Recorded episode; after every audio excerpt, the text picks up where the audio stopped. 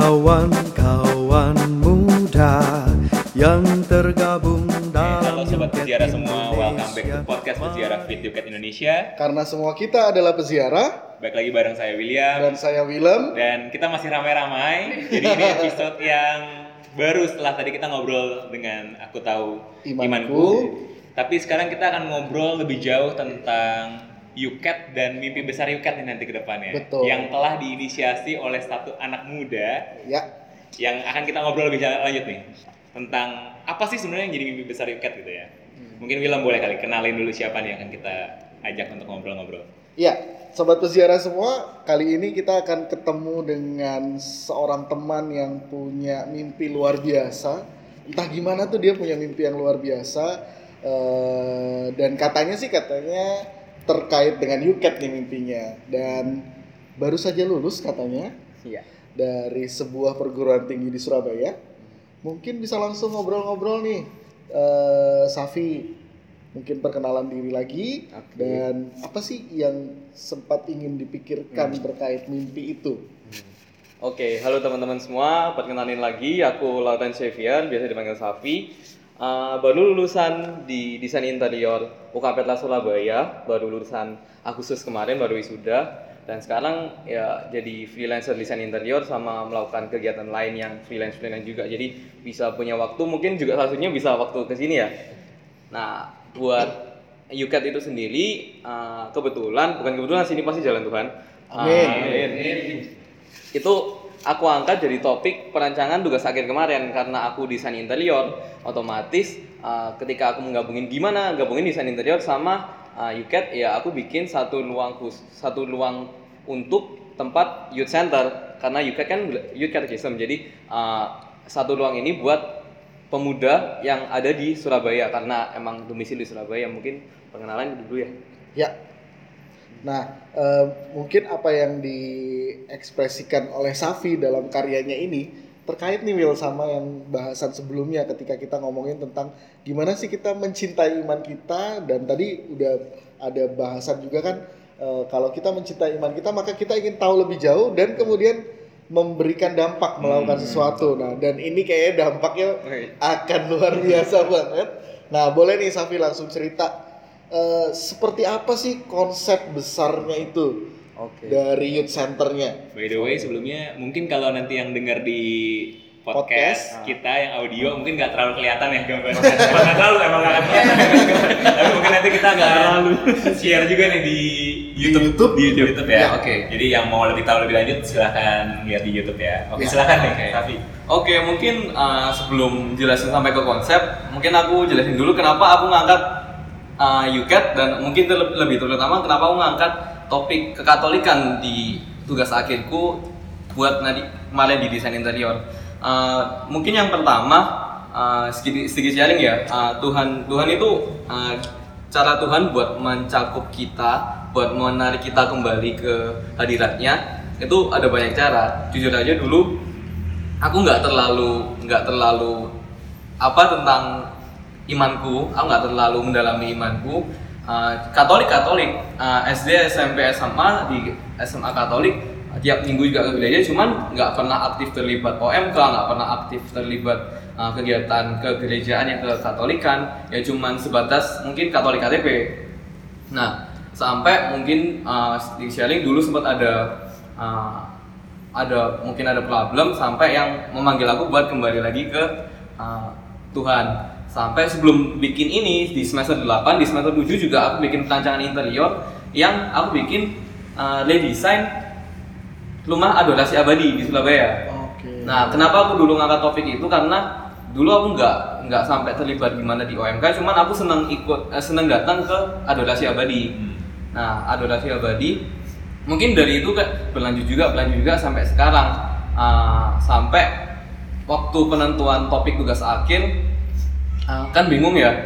Biasanya kan nggak mu- mungkin banyak dari kita bingung skripsi angkat topik apa ya, skripsi angkat topik apa ya. Nah, di satu sisi juga aku juga pengen tetap lanjutin aku mau ngangkat tentang Katolik. Aku mau ngangkat tentang Katolik, tapi tentang apa ya? Tentang apa ya?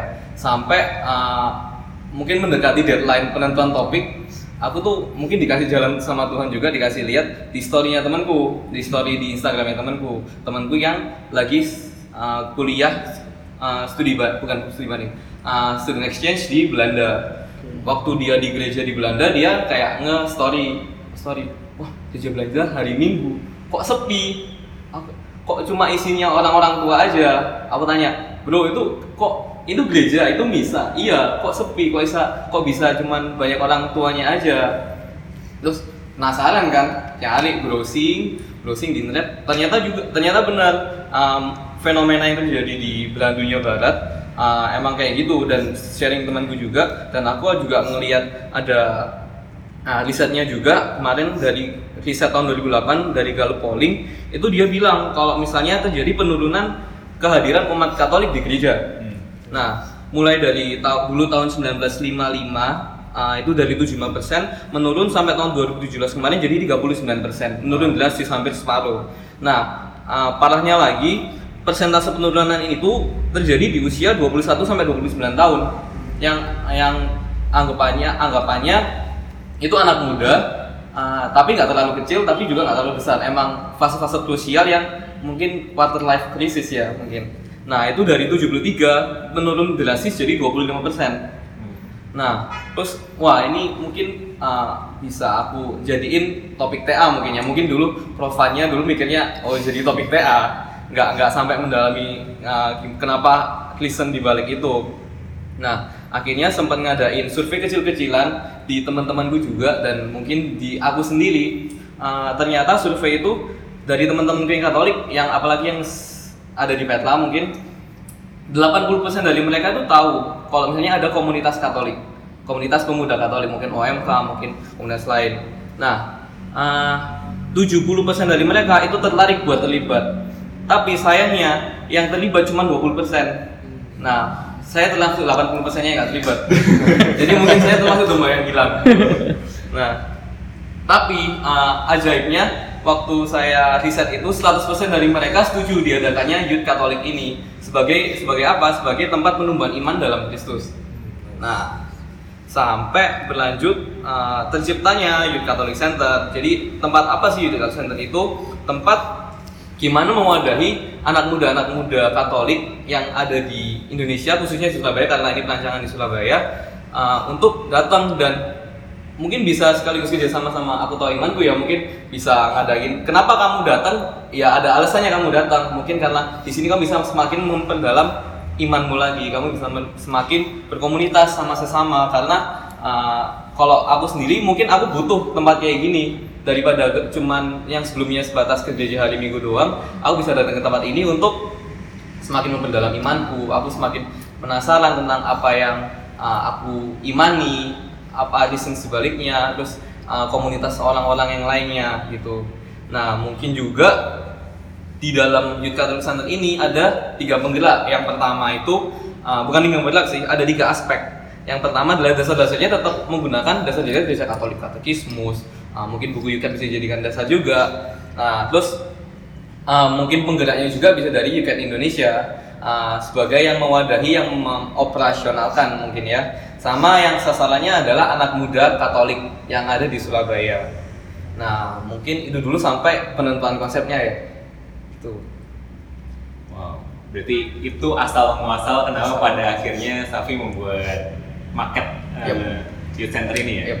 Nah mungkin kita akan elaborasi lebih jauh nih market yang telah dibuat dan Oke. dirancang oleh Safi. Ini kira-kira tuju- eh, tujuan lebih jauhnya untuk apa? Ada apa aja di dalamnya dan harapannya untuk anak muda Katolik yang nantinya kalau ini jadi gitu ya Nah, amin. akan akan berproses seperti apa nanti ke depannya gitu. Kita Oke. akan elaborasi lebih lanjut ya. Oke, eh, untuk bahas itu, eh, waktu perancangan tugas akhir ini, aku juga bikin eh, prototype aplika- aplikasi. Hmm. Mungkin kalau misalnya gimana ya cara nge-share-nya link aplikasinya ya di Google Play nggak ada sih. Cuman eh, baru ya baru prototype doang. Cuman kalau misalnya mau akses sendiri bisa di tinyurl.com slash ycc ycc evangelion tinyurl.com slash ycc evangelion Oke. nah Nanti kita pasang. oke nanti dipasang nah oh mungkin kenapa dulu kenapa namanya evangelion di tempatnya ini karena ya nggak muluk-muluk sih maknanya. Ah, semua diharapkan tempat ini menjadi sarana evangelisasi, pewartaan kabar baik ah, buat sesama anak muda yang ada di sini. Nah, mungkin kalau misalnya teman-teman masuk ke aplikasinya, ini karena baru ini ya prototype, itu langsung masuk account welcome home Lawrence Xavier misalnya atau nama kalian welcome home terus langsung di interface pertamanya kalian langsung lihat kata case sehari ini itu apa. Ah, yang ini bisa dikutip dari UCAT buku UCAT atau buku case mus yang ada atau mungkin dari ah, konten-konten dari aku imanku mungkin ya bisa di share ke sini karena tiap hari bisa selalu diupdate. Jadi setiap kali buka aplikasi langsung cek nah kenapa kita kenapa waktu itu kepikiran buat aplikasi? Karena sekarang anak muda mana yang ah, nggak pegang gadget? Sih? Anak muda mana? Karena tujuannya anak muda, anak muda harus otomatis desainnya harus ngikutin generasi X, Y, Z sama milenial. Nah, yang di mana mereka juga mempunyai gadget di kantongnya mereka masing-masing pasti, mayoritas lah, mayoritas besar. Nah, otomatis uh, aplikasi dan tempat ini, youth center ini terintegrasi sama smartphone mereka. Nah, ketika kalian masuk ke tempat ini, uh, kalian mesti langsung uh, aktif aktifin location kalian. Jadi karena tempatnya segini gede ya, uh, untuk dari konsep ini sendiri makan tempat itu 2566 meter persegi, gede banget, gede banget. Uh, dan itu ketika kalian masuk dan terintegrasi sama location smartphone kalian, kalian bisa langsung tahu, oh ada siapa aja orang yang ada di sini. Oh mungkin, oh ada si William lagi di area sini atau mungkin si Evania lagi di area sana. Kalian langsung tahu karena tujuannya kan ketika kalian di sini kalian bisa mengenal anak muda lainnya, berkenal sama anak muda lainnya. Perjumpaan ya. Penjumpaan, benar.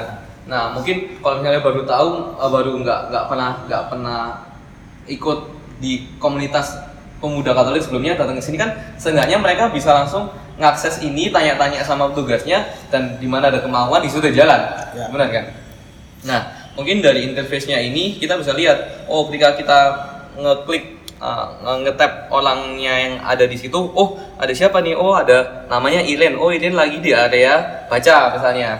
Oh dia terbuka oh ternyata dia masuk status oh aku terbuka buat uh, ngobrol-ngobrol gitu. Jadi oh kita bisa saling sharing ngobrol-ngobrol nah ada juga mungkin ada selain selain orangnya juga bisa ada komunitas. Mungkin kita nanti bahas lebih lanjut tentang komunitas tapi kita bisa tahu oh ada komunitas di sini. Oh ada komunitas komunitasnya latihan ah, komunitas apa ya? Terus deskripsinya komunitasnya. Terus oh mungkin mereka lagi latihan latihan apa ya? Mungkin bisa sekalian lihat gitu. Nah di di YCC ini itu di menu di profil balik lagi ke yang tadi terus ke ada namanya share your story.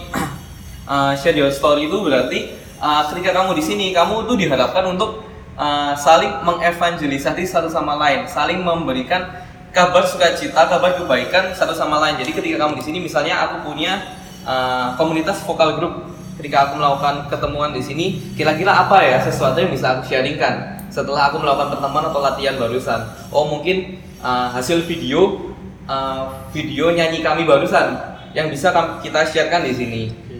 Itu mungkin sebelum uh, lanjut lebih dalam kita mungkin mesti tahu dulu ya ada ruangan apa aja di YCC Iya. ini. Nah yang pertama ada ruangan main entrance yang dari depan ya pasti harus dari depan. Main entrance main entrance-nya itu gede. Ah, ah, di, Ini ya? ini ya? Ini ini main entrance main entrance-nya dibuat lebar karena dengan tujuan uh, ini kan tempatnya gede jadi otomatis kita harus ada tempat yang nge-provide foto bareng rame-rame Excellent. Relevan, relevan. Wifi ya, wifi. Relevan, relevan. Dan juga ini lepas ya. Iya, mestinya ada patung patung Yuket yang itu stickman itu. Oh. Jadi bisa langsung foto bareng. Ada satu di sini. ada Oke, satu ya? oke. Ada. Satunya lepas kayaknya. Maaf ya. Nah, terus setelah masuk ke dari main entrance bisa langsung ke area ini. Namanya ada informasi. Oke. Ada ini ya. Reception. Reception. Ada informasi. Jadi Putar, putar, putar. ah, ya. Di sini. di situ ada namanya area uh, reception. Mungkin kalau teman-teman yang dari podcast uh, area reception itu letaknya langsung di sampingnya main entrance. Dengan tujuan ketika aku baru datang pertama kali, ini jadi tempat registrasiku pertama untuk jadi ke, ah, bukan keanggotaan, untuk jadi bagian dari uh, youth center ini I mungkin see. daftar Nah. karena kan gimana caranya kita tahu da- profil kalian kalau kalian nggak daftar dulu Ya. nah terus lanjut lagi ke area depan sini area depannya reception langsung namanya area dinding interaktif Ini ya. Iya, lim, ada lima. dua, tiga, empat, lima Iya, ini ada ya. lima. Itu ada banyak dinding interaktif. Nah, misalnya yang dicontohin itu ada dinding uh, How do you feel today?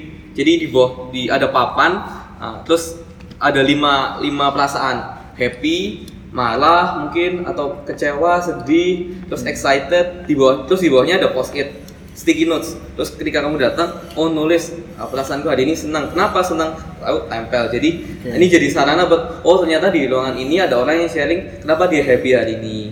Atau mungkin uh, ketika dia sedih, tempel sedih. Oh, aku lagi sedih. Mungkin ketika orang lain baca, oh ternyata si uh, mungkin kalian lagi sedih. Mungkin aku bisa bantu buat uh, buat gimana ya cara menghibur dia gitu Oke.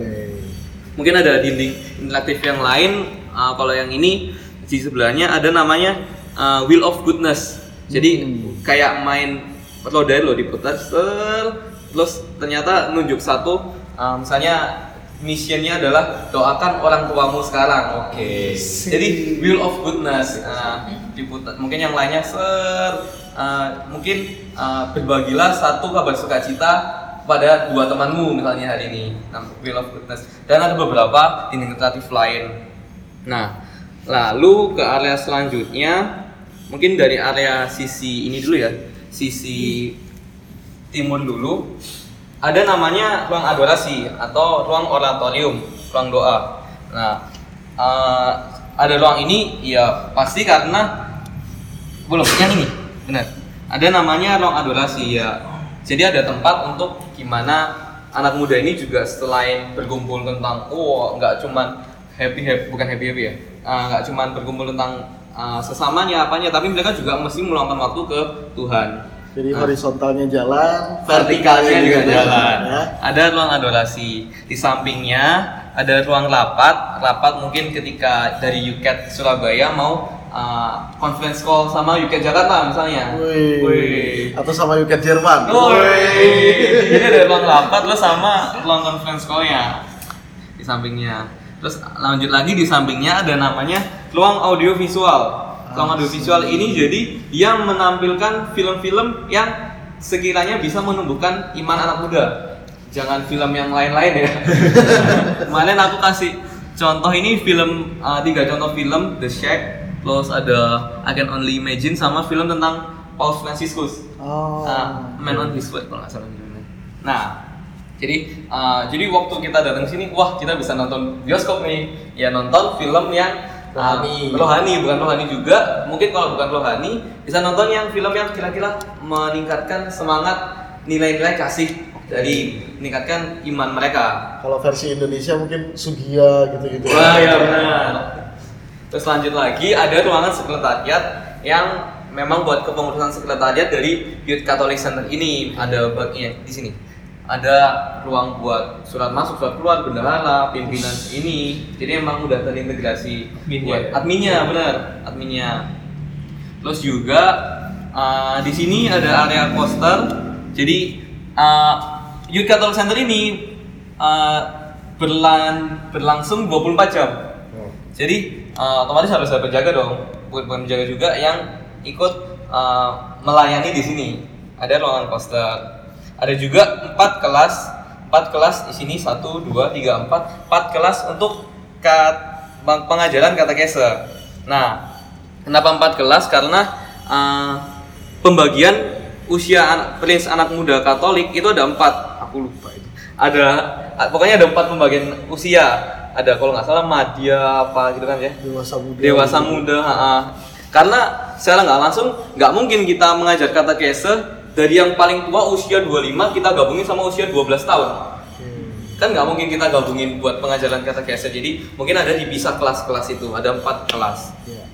di sini juga ada ruangan konseling di sini ada tiga ruangan konseling ada dua desain yang oh, mungkin duduknya lesehan ada gemericik airnya kolamnya gitu. Terus Asik. yang di sini untuk yang mungkin agak semi formal ada sofanya gitu.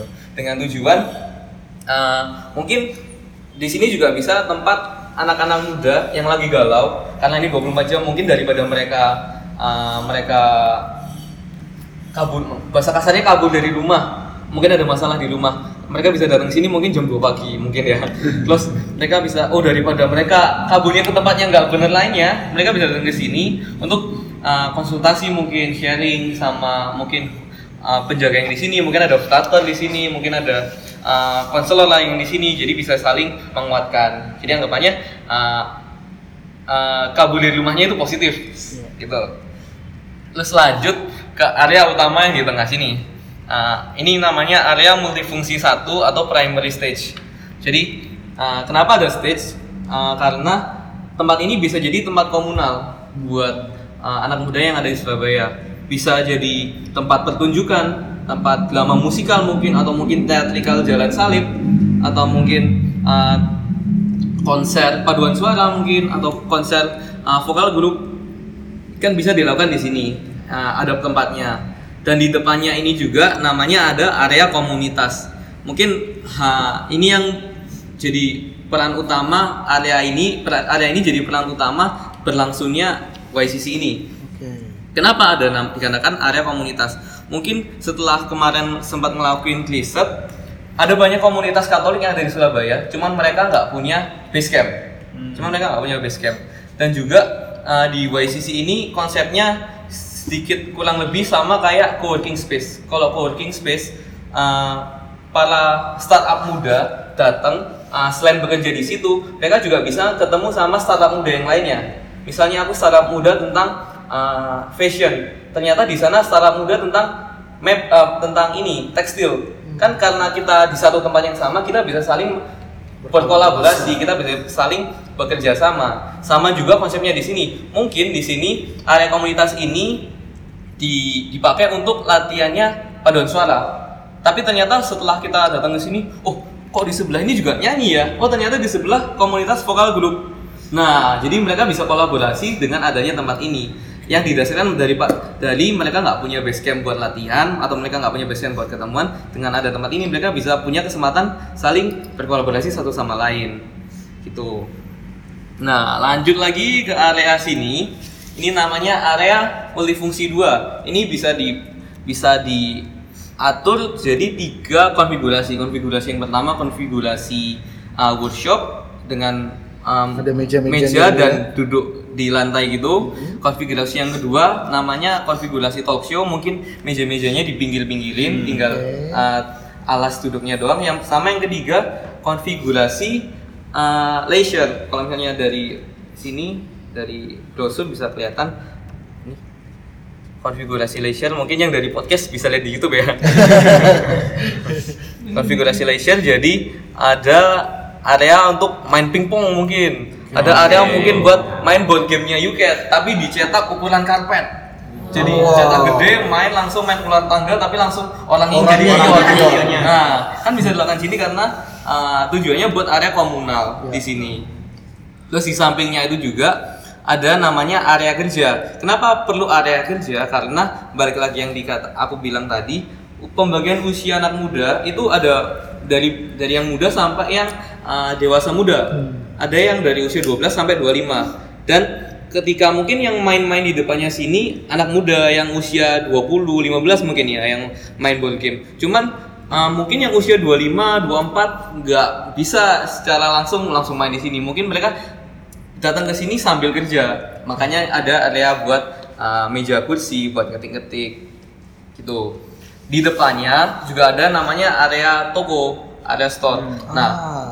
tujuannya buat apa?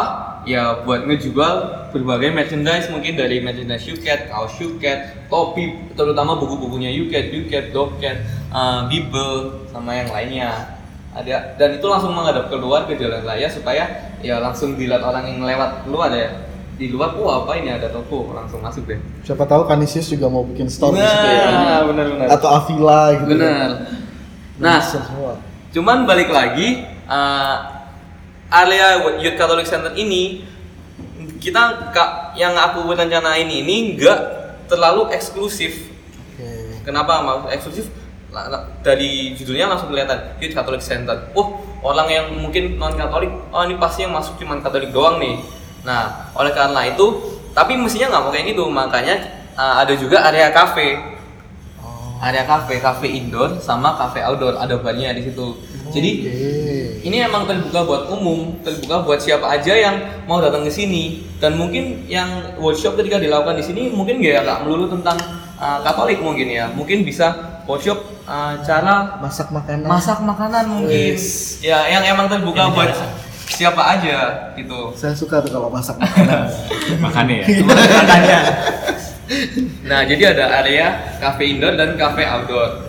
Nah cafe outdoor ini uh, dibuat juga dua konfigurasi. Kon- pertama yang konfigurasi cafe yang kedua konfigurasi buat uh, bakti sosial baksos.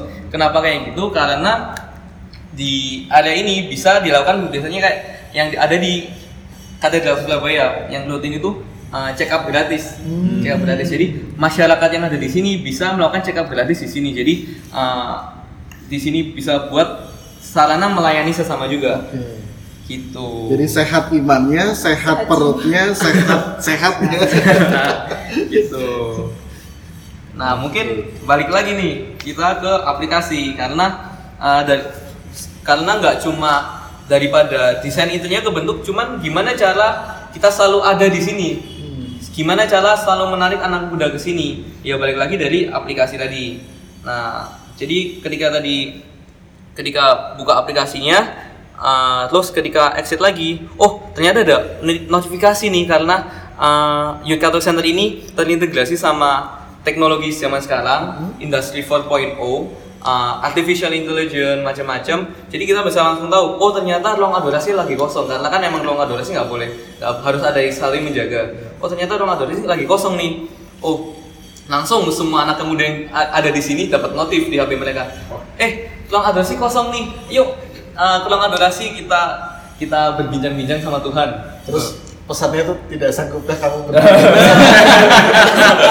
benar, benar. Nah, jadi semua yang di sini langsung dapat notif itu, itu di HP-nya. Nah, terus konten selanjutnya ada area pengumuman. Area pengumuman ini tentang kegiatan apa aja sih yang lagi berlangsung di uh, YCC ini. Mungkin oh lagi ada konser nih, konser paduan suara. Oh kapan konsernya ini posternya, terus tentang biaya masuknya macam-macam. Terus selanjutnya ada konten pinjam ruang. Nah, pinjam ruang ini dikhususkan buat komunitas muda yang ada di Surabaya yang tadi nggak punya basecamp itu. Jadi kita mesti meminjam ruang. Misalnya nih, awak punya komunitas vokal grup, aku mau pinjem ruang nih di ruang mana ya? Terus di aplikasi kita bisa langsung lihat, oh ruang yang available ruang mana aja nih? Oke. Ruang komunitas A, komunitas B, komunitas C, atau mungkin ruang ami, eh ruang primary stage atau kelas A, kelas B, kelas C. Nah, aku mau pinjam ruang komunitas A ya. Pinjem, terus ngetik-ngetik nama komunitasnya apa, jangka waktunya kapan, oke oke oke, pinjam. Nah, ruangan udah terpinjam. Ruangan kapan? Jadi bisa langsung uh, janjian di sini dan dari HP kita bisa tahu. Oh, waktu kita minjem ruangan ini, kita klaim bareng sama kita tuh ada komunitas apa aja. Nah, gitu. Terus ada konten yang lainnya lagi, namanya konten janjian. Konten janjian karena ini dipakai buat uh, bisa konseling juga, jadi bisa langsung tahu ada tiga orang mungkin atau mungkin ada banyak orang, mungkin dari romo, mungkin dari konselor yang sekiranya bisa punya waktu luang buat kita ajak sharing. Oh, ini Romo Beni ya, aku kasih. ada Romo Beni, oh Romo Beni mungkin uh, backgroundnya apa?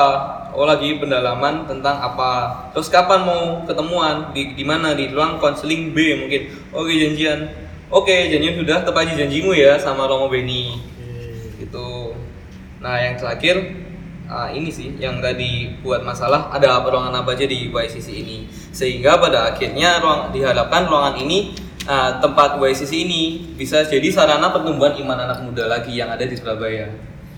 Keren banget ya Will ya. Pertanyaan paling mendasar nih. Kalau tadi kita sempat bahas dengan Adrian dari aku tahu imanku eh, tentang bagaimana kita mencintai iman. Imanmu seperti apa sih Safi supaya sehingga meluap-luap seperti ini gitu. yang pasti masih belum sebiji sesawi ya yang masih masih belum sebiji sesawi cuman uh, ya gimana ya waktu ngejain ini juga pada dasarnya sempat pesimis karena sempat waktu tanya-tanya ke dosen tanya-tanya ke saudara ke kakak ke mama kira-kira kalau angkat topik ini gimana ya buat TA terus mereka sebelumnya udah langsung semacam duh kamu loh ke gereja cuma hari minggu. Ke gereja cuma hari minggu. Terus ah, nggak pernah aktif terlibat komunitas Katolik nggak aktif di OMK masa mau bikin gini kan? Mana bisa? Jangan resiko buat ngangkat topik yang sebelumnya kamu nggak ngerti banget tapi kamu jadiin skripsimu terus masa sih? Masa sih? Terus ya sering berjalannya waktu karena memang pengen artinya pengen buat ngangkat topik ini otomatis buat sebelum ke tahap desain kan kita mesti uh, ke tahap literatur dulu daftar pustaka dulu. Iya. eh kok daftar pustaka? Ke daftar daftar literasi dulu. pustakanya. ah, ah, tinjauan pustakanya dulu. Jadi saya nggak langsung ya baca baca buku-buku tentang uh, pendalaman iman ini. Dulu sempat baca KGK cuman sekilas-kilas sih nggak semua yang buku dari. Kalau tuntas sih baca Yang buku biru itu. baca Istimewa. KGK baca Lumen Gentium Wih. Lumen Gentium sekilas sekilas sekilas cuma sekilas Lumen Gentium baca sahabat pesiarahan itu Oh, sahabat sepesiaran. Nah, itu masih lumayan lah ya, baca Tapi itu sahabat bagus, itu soft skillnya kan itu kan. Iya. Itu tips praktisnya untuk pendampingan anak muda kan. Iya. baca sahabat spesialan jadi saya langsung bener yang tadi dibilang sama Kak Dian uh, ketika kamu uh, pertama apa itu? Mempelajari dulu kamu mengerti dulu eh kamu percaya untuk kamu mengerti, nah aku per- pertama aku percaya juga aku pasti bisa ini. Terus uh, percaya buat mengerti aku percaya buat bisa memahami KGK percaya buat bisa memahami KGK meskipun itu susah. Akhirnya baca versi lightnya baca versi UCAT baca KGK sehingga pada akhirnya aku bisa semakin menguat apa tadi menguatkan lebih baik, ya. percaya yang lebih baik lagi sehingga ya mungkin adalah hasil yang lebih baik lagi tapi pasti masih ada yang lebih sempurna sih Tapi keren banget sih ini. Keren, keren, tepuk tangan, tepuk tangan. Biayanya berapa ini? kalau investasi buat ini itu tahapan berikutnya dari Kudus. Cari investor Yang penting Deus Providebit. Amin. Iya. kan? sponsor sponsor open open sponsor itu open sponsor William mungkin mau menanggapi tentang mimpi besar ini. Wow. Iya ya, sebenarnya kenapa kita bikin podcast ini juga, kenapa kita bikin YouTube ini juga kan sebenarnya harapannya gimana caranya supaya anak muda Katolik punya ruang, punya tempat, punya wadah untuk belajar dan lebih memahami tentang imannya gitu. Mungkin nanti siapa tahu yang yang denger, yang nonton ini adalah orang-orang yang juga tergerak hatinya. dan- Bapak-bapak, ibu-ibu di sana. ya, rekening mungkin yang bisa menginisiasi apa yang telah dibuat oleh Safi jadi lebih lebih konkret lebih bisa diimplementasikan gitu ya mungkin one day siapa tahu kalau memang ini jalannya ya ya pasti akan terlaksana gitu kalau misalnya ini jalannya gitu Apalagi berdasarkan surveinya Safi tadi ya Will ya, 100% orang muda Katolik itu rindu dengan ini. Jadi jangan khawatir bahwa ketika kita nanti mungkin menginisiasi entah kapan itu, ini pasti termanfaatkan ya. apalagi datanya data apa yang kemarin kita cari 50% Ya dari data sebuah lembaga riset yang dikutip oleh Bimas eh, Kristen itu katanya dalam jangka waktu beberapa tahun ke depan 50% orang muda itu akan meninggalkan gereja Will. Karena gereja semakin tidak menarik, semakin Ya. tidak relevan dan semakin tidak Berguna, efektif ya, ya. tidak berguna. Katanya mereka. katanya mereka tapi at least ini menjadi tantangan untuk Betul kita sekali. bagaimana cara kita bisa men- menghadirkan gereja dalam bentuk yang lebih atraktif dan lebih dekat dengan anak muda Nah, itu hal yang ketiga yang menurut aku penting ya. Jadi kalau kita belajar dari Safi, iman itu nggak melulu ada di buku-buku. Iman itu bisa kita ekspresikan seperti ini gitu. Safi dari latar belakangnya desain interior, makanya kemudian terlahir ini. Nah, teman-teman mungkin yang punya talenta-talenta lain, saya rasa juga bisa punya ekspresi-ekspresi yang menarik untuk menumpahkan kecintaan iman Iya. kita akan eh, gereja Katolik dan akan Yesus sendiri gitu. Dan apa yang Safi buat menurut saya pribadi, ini sebenarnya gambaran kira-kira anak muda bisa ngelakuin apa. Betul. Ini semua sudah cukup tergambar gitu. Bisa paduan suara, bisa komunitas, bisa ber- dalam bekerja, bisa dalam permainan, bisa dalam konseling, bisa dalam kelas, doa juga doa, film, Iya. sebenarnya segala macam rangkaian yang sebenarnya bisa dipakai oleh anak muda menjadi alat untuk mewartakan iman itu sebenarnya sudah cukup tergambarkan di sini. Pertanyaannya lagi gimana cara kita bisa merealisasikannya. Yang Dari jelas hal kita- yang sederhana dulu ya. Dari hal yang sederhana dulu ya. Mungkin ini kan ini kan sangat kompleks ya, tapi kita bagaimana cara dari hal yang sederhana dulu. Betul. Dan dengan keterlibatan orang muda yang seperti ini atau dengan talenta-talenta teman-teman yang lain, itulah yang sebetulnya akan menjawab yang tadi ya, tantangan bahwa nggak benar juga kalau dikatakan 50% orang muda akan pergi. Buktinya orang muda masih ada nih yang kayak Safi gitu. Dan Iya, kayak teman-teman sekalian, Adrian, Mas Anton, Ricky, Matilda gitu ya. Ya, udah expired sih. Wah, Anak muda zaman Ada masanya. Ada masanya. anak muda dengan empat orang anak muda. Oke. Ya, mungkin ada yang mau tambahan lagi nih sama teman-teman. Cukup kali ya. Udah thank you banget nih Safi atas Speechless. Masih meresapi.